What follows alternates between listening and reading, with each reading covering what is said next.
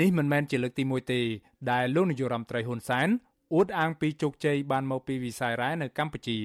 កាលពីចុងឆ្នាំ2020លោកបានធ្វើយុទ្ធនាការប្រកាសក្តែងក្តែងអួតអាងពីមោទនភាពនៃជោគជ័យដែលកម្ពុជាសម្រេចបានពីវិស័យប្រេងពីឈូងសមុទ្រខ្មែរក៏ប៉ុន្តែมันបានកន្លះឆ្នាំស្រួលបួផងជោគជ័យនេះបានសាបរលាបคล้ายទៅជាបរាជ័យទៅវិញ បន្ទាប់ពីក្រុមហ៊ុនបូមប្រេងដែលទទួលបានសិទ្ធិវិនិយោគ បានប្រកាសខ្សែធនខណៈបរិមាណផលិតកម្មប្រេងមានទៀបខុសឆ្ងាយពីការរំពឹងទុករបបលោកហ៊ុនសែនបានបញ្ញាបញ្ញាលធ្វើពិធីប្រគល់ទទួលកែវផ្ទុកដំណក់ប្រេងលើដំបូលរបស់កម្ពុជា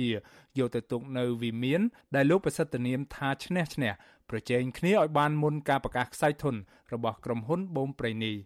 មួយថ្ងៃក្រោយមក គឺនៅថ្ងៃទី10មិថុនា លោកហ៊ុនសានបានបញ្ចេញសារដ៏គួរឲ្យភ្ញាក់ផ្អើលដែលម្ដងនេះលោកលែងនិយាយរំលឹកដល់រឿងជោគជ័យលើវិស័យប្រេងទៀតហើយក៏ប៉ុន្តែលោកនិយាយពីរឿងជោគជ័យលើវិស័យរ៉ែមាសវិញម្ដង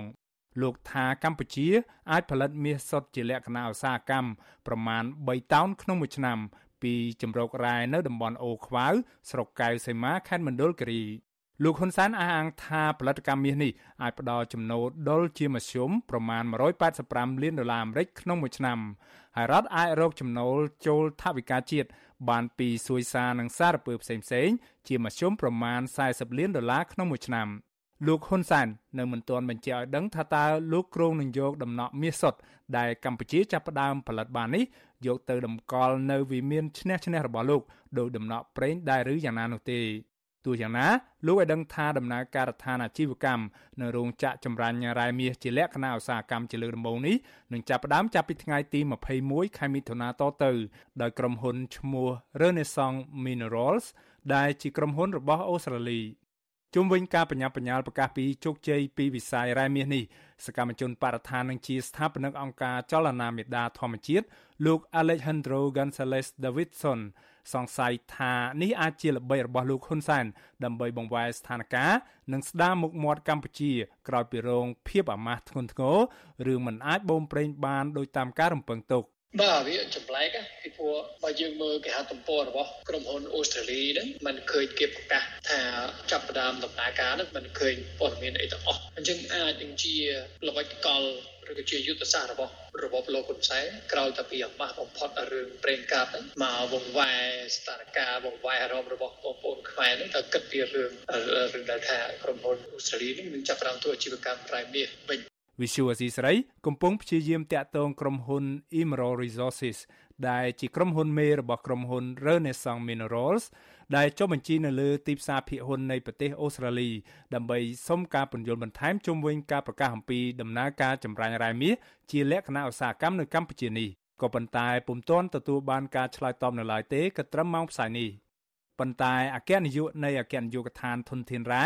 នៃក្រសួងរ៉ែនិងធម្មពលលោកយុសមនីរ័ត្នពន្យល់ប្រាវិសុវស៊ីស្រីថាសក្តានុពលនៃផលិតកម្មរ៉ែមាសដែលក្រុមហ៊ុនអូស្ត្រាលីនេះរំពឹងថាផលិតបាន អាចចាត់ទុកថាជាលក្ខណៈឧស្សាហកម្មតែមិនមែនជាទ្រង់ទ្រាយធំដូចនៅបណ្ដាប្រទេសធំៗនោះឡើយនិយាយទៅសក្តានុពលខ្ញុំចង់លើកជូន capacity ផលិតកម្មហ្នឹងបើប្រហាក់វាគ្រាន់ថាវាវាមិនមែនជាຂະຫນាត ធំណាស់ណាភាពមួយប្រទេសគេធំធំណាប៉ុន្តែគាត់ថានៅកម្ពុជាយើងវាជាຂະណាត់ឧស្សាហកម្មលើកដំបូងរបស់យើងដែរបាទអញ្ចឹងផលិតកម្មដែលចេញហ្នឹងវាប្រហាក់ប្រហែលនឹងជាមធ្យមប្រហែលជា100000អោនមាសហ្នឹងក្នុងមួយឆ្នាំវាអាចជាលក្ខណៈឧស្សាហកម្មបានព្រោះសមត្ថភាពផលិត នៅក្នុងមួយឆ្នាំវាចូល100000អោនស្អីចឹងហើយវាចូលជាលក្ខណៈឧស្សាហកម្មហើយគឺមិនមែនជាទូទ្រីសិប្បកម្មទូជាលក្ខណៈគ្រួសារជាលក្ខណៈលោកយុមនីរ័ត្នបញ្ជាក់ថាបច្ចុប្បន្នក្រុមហ៊ុនអូស្ត្រាលីនេះកំពុងដំណើរការជាប្រក្រតីដើម្បីឈានទៅចម្រាញ់និងផលិតមាសដោយតាមការគ្រោងទុកចាប់ពីថ្ងៃទី21ខែមិថុនាខាងមុខនេះដោយមិនមានឧបសគ្គណាមួយរាំងស្ទះនោះទេ លើកលែងតែមានឧបសគ្គអីរារាំងរបៀបដូចទីហោថាបើសិនជាលក្ខណៈយើងហៅថា force majeure ណាណាបើសិនជាលើកលែងតែ force majeure បើអត់មាន force majeure ទេវាអត់មានអីរាំងផ្ទះទេហើយពាក្យថា force majeure នោះឧទាហរណ៍ថាយើងមានជុះលៀងអីទឹកចំនួនអីវាលិចអីចឹងអាហ្នឹងយើងដែលយើងអត់អាច control បានណាណាហ្នឹងវាអាចមានការប្រែប្រួលអាហ្នឹងមិនវាអាចមានការប្រែប្រួលបើសិនជាអត់មានបញ្ហាអីអស់ហ្នឹងទេយើងគិតថាវាអត់មានអីប្រែប្រួល អាចផលិតបាននៅថ្ងៃនោះចេញអាដុំនេះទី1អាចនៅថ្ងៃនេះបានបើតាមមន្ត្រីជំនាញរបស់រដ្ឋាភិបាលរូបនេះបច្ចុប្បន្នមានក្រុមហ៊ុនជាង40ទទួលបានអាជ្ញាប័ណ្ណសិក្សាស្រាវជ្រាវរករករ៉ែមាសនៅទូទាំងប្រទេស